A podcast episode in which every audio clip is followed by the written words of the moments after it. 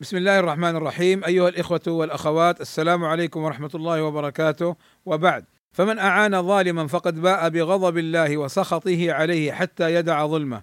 قال رسول الله صلى الله عليه وسلم من أعان على خصومة بظلم أو يعين على ظلم لم يزل في سخط الله حتى ينزع. وقد شبه النبي صلى الله عليه وسلم من أعان قومه على ظلم بالبعير الساقط في بئر يحاول النجاة بذنبه.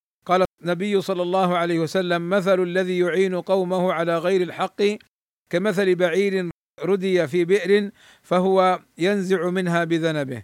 قال المنذري رحمه الله تعالى معنى الحديث أنه قد وقع في الإثم وهلك كالبعير إذا تردى في بئر فصار ينزع بذنبه ولا يقدر على الخلاص. وعن أبي بكر رضي الله عنه أنه قال يا أيها الناس إنكم تقرؤون هذه الآية. وتضعونها على غير مواضعها. عليكم أنفسكم. لا يضركم من ضل إذا اهتديتم.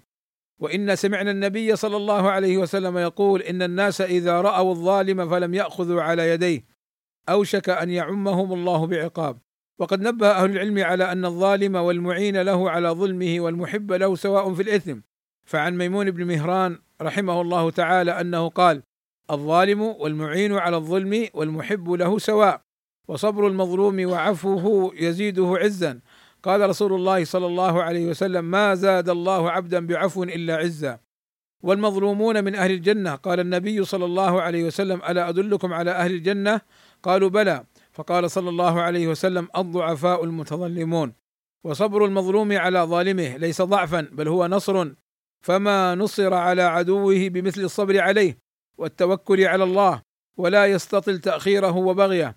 فإنه كلما بغى عليه كان بغيه جندا وقوة للمبغى عليه يقاتل به الباغي نفسه وهو لا يشعر فبغيه سهام يرميها من نفسه إلى نفسه ولو رأى المبغى عليه. ذلك لسره بغيه عليه ولكن لضعف بصيرته. لا يرى إلا صورة البغي دون آخره ومآله. كما ذكر ذلك ابن القيم الجوزي رحمه الله تعالى. والسلام عليكم ورحمة الله وبركاته.